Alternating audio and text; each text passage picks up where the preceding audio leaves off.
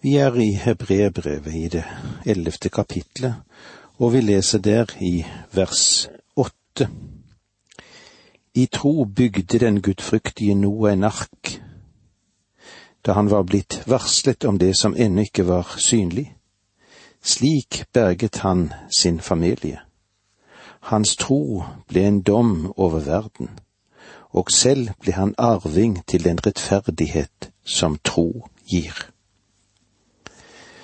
Sjelden har vel noe menneske blitt prøvd i lydighet og tro slik som Noah.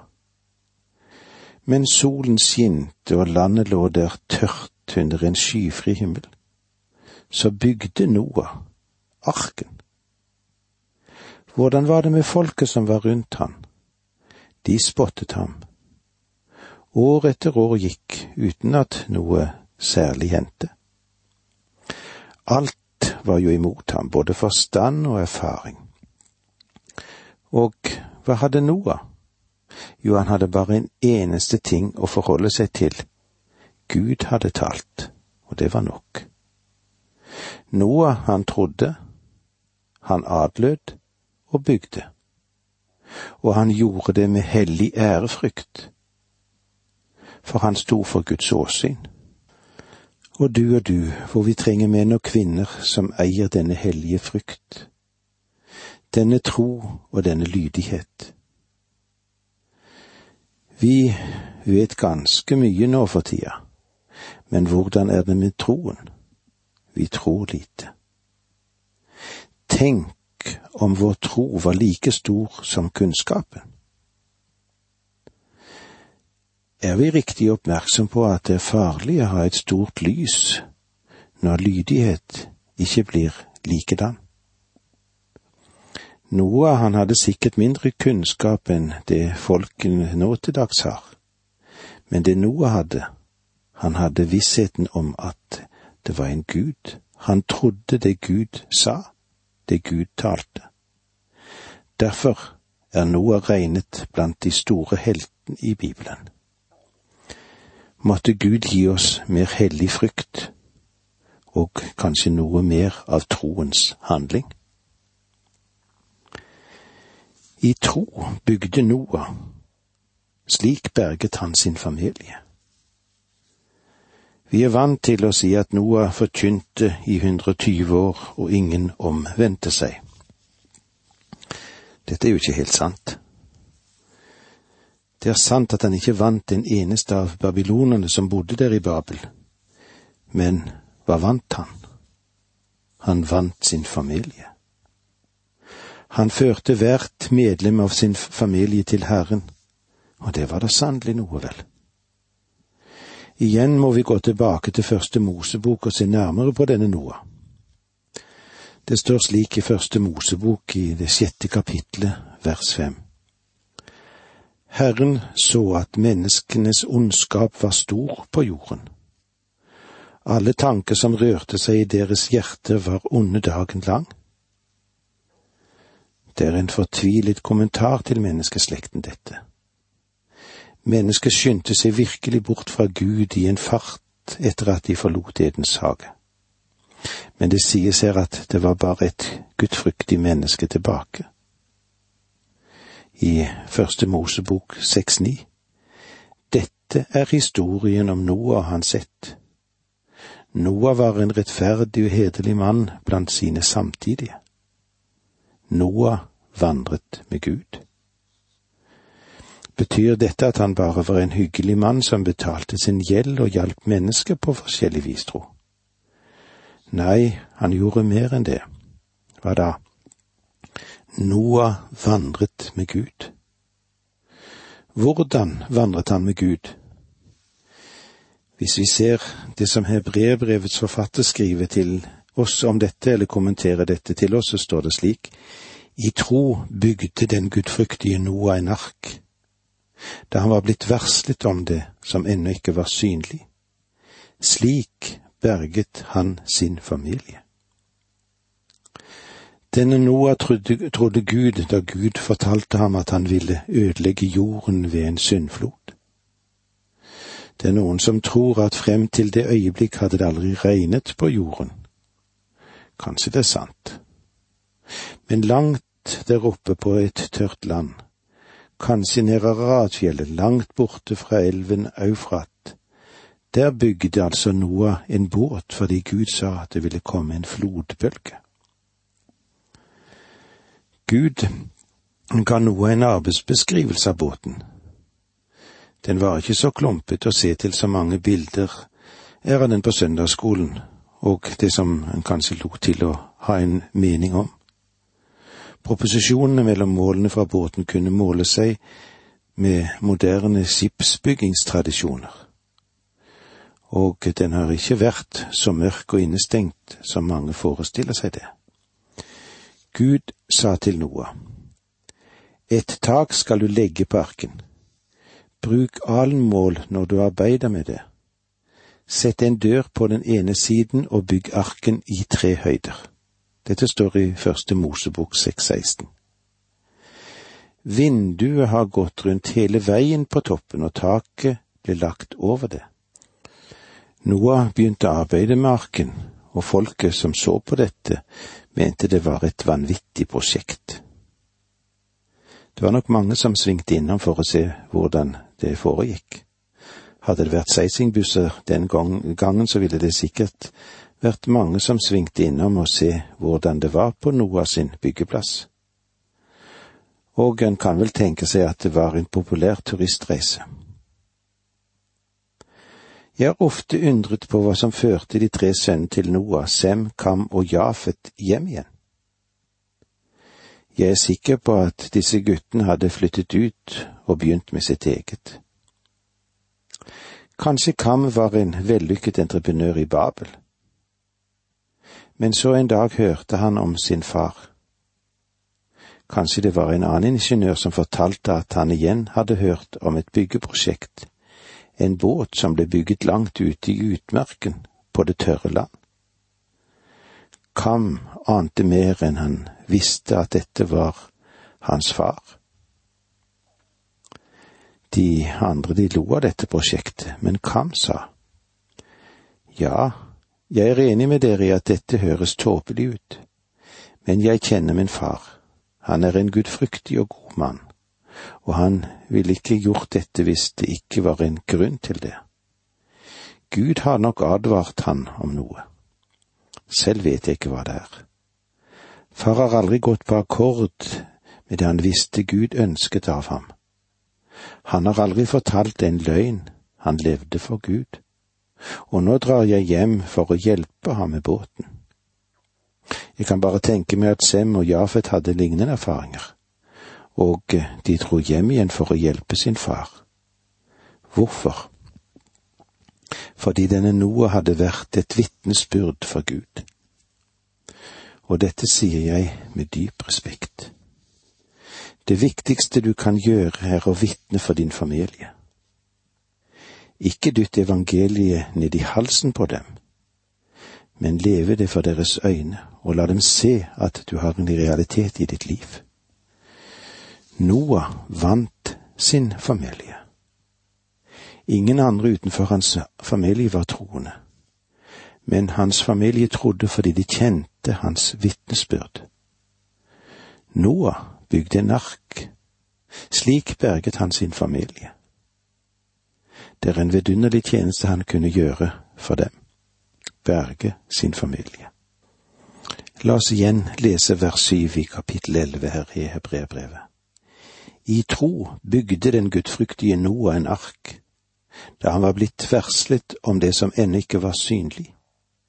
Slik berget han sin familie. Hans tro ble en dom over verden, og selv ble han arving til den rettferdighet som troen gir. Noah trodde sin Gud og frelser og reddet sin familie. Det er noe for oss alle sammen å tenke over.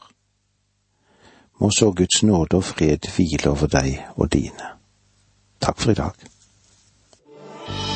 Dette undervisningsprogrammet består av to deler. Åge Nevland fortsetter nå med andre del av dagens undervisning. Vi er i Hebreabrevet i det ellevte kapitlet, og vi vil se nå litt på Abraham og Saras tro, som det står om i versene vi nå skal gå inn på fra åtte til tolv i kapittel elleve. Vi kommer altså til Abraham, og hvordan er det med Abraham? Jo, han er mannen som er kjent som troens mann. Det er slik han blir fremstilt i Guds ord.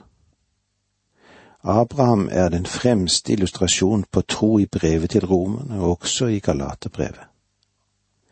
Evangelieforfatterne henviser òg til ham, og Jesus sa òg, det som står i Johannes 8, 56. Deres far Abraham jublet over å skulle oppleve min dag. Han fikk oppleve den og frydet seg. I Abraham møter vi troens tilbedelse. La oss lese vers åtte i kapittel elleve. I tro var Abraham lydig da han ble kalt, så han dro ut til et land som han skulle få til odel og eie. Han dro av sted uten å vite hvor han kom hen. Vi har sett i dette brevet at tilbedelse av Gud fører til lydighet mot Gud. Den leder til tjeneste for Gud. Den fører deg til å gjøre de ting Gud ønsker at du skal gjøre. Da trenger vi ikke bruke masse tid på å presse folk til å gjøre noe for Gud. Den eh, tilbedende tro, den er motivasjon god nok, den. Hvis mennesker i sannhet kan tilbe Gud og gripe noe av herligheten i Kristi person, da kan du stole på dem, og du vil se at de vil tjene Herren, og de vil lyde ham. Det viktigste ordet i dette verset og i hele denne delen er var lydig og tilbedelse. Den fører til lydighet. I første Mosebok i kapittel tolv finner vi historien om Abraham, og eh, vi begynner å lese der at han kom fra Uri Kaldea og dro til Karan. Han ble i Karan en stund og mistet verdifull tid, men til sist dro han til Kanan. Da han kom dit, åpenbarte Gud seg for ham. Første Mosebok tolv syv. Da viste Herren seg for Abraham og sa, Din ett vil jeg gi dette land. Og der bygde Abraham et alter for Herren, som hadde vist seg for ham. Overalt hvor denne mannen Abraham dro, der bygde han et alter. Da han kom til Sikhem, bygget han et alter. Da han dro ned til høyslettene ved More, bygde han et alter for Herren. Overalt der Abraham dro, der bygget han et alter for Gud. Når en ferdes i det hellige land, blir en imponert over alle de bygningene som Herodes førte opp. Han bygde ikke bare tempelet, som aldri helt ble fullført, men han bygde også store palasser og borger og byer over hele landet. Men fra Herodes' side så var det ingen tilbedelse.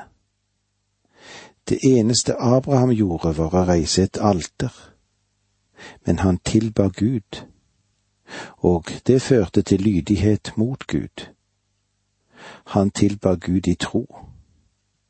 Deretter adlød han Gud ved tro. La oss lese litt videre versene ni til elleve. I tro levde han som innflytter i det landet Gud hadde lovt ham han bodde i telt sammen med Isak og Jakob, som var medarvinger til det samme løftet. For han ventet på byen med de faste grunnvoller, den som Gud har til byggmester og skaper. I tro fikk også Sara kraft til å bli mor for Renett, enda så gammel hun var.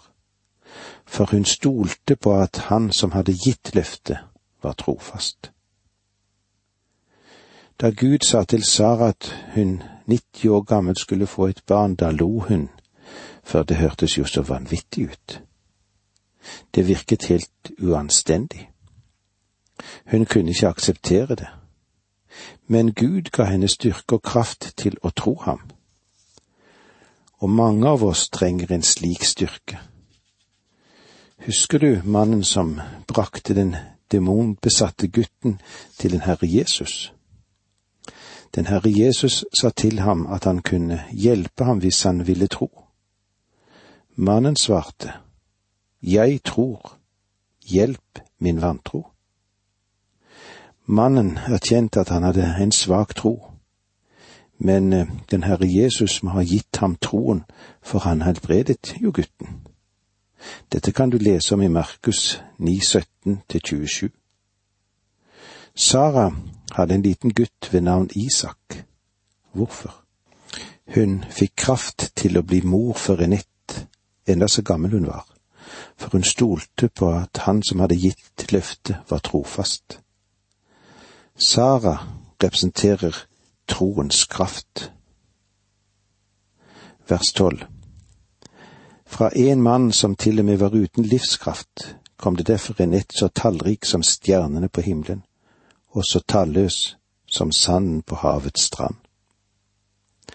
Det var dette som hendte, og det fant sted ved tro. Legg òg merke til at Abraham og Sara aldri så fullbyrdelsen av Guds løfte til dem. I tro døde alle disse uten å ha vunnet det som var lovt. De bare så det langt borte og hilste det, og de bekjente at de var fremmede utlendinger på jorden. Som vi ser, er Abraham et av de, ja, han er det største eksempel på tro i hele Det gamle testamentet. Og eh, vi får se i alle fall fire sider av den tro som var hos Abraham. Først fikk vi høre om troens lydighet da han ble kalt. Abraham kjente Gud. Han kjente ham som kalte han til et ukjent mål, til det landet som jeg vil vise deg. Abraham fikk oppleve kall til oppbrudd, og det var et kall til å gå til et fremmed land, til et land han skulle få til odel og eie. I kraft av Guds løfte så kaltes han til å gå til det lovede landet. Guds kall, det ble fulgt av det løftet som ble gitt ham. Din ett vil jeg gi dette landet. Og vi har også sett på hvordan Abraham har en tro som er bevirket av utholdenhet. Og eh, der får vi òg se hvordan Guds løfte gis til Abraham som velsignelse i det lovede landet. Det er frelsens velsignelse fra himmelen som blir et mål.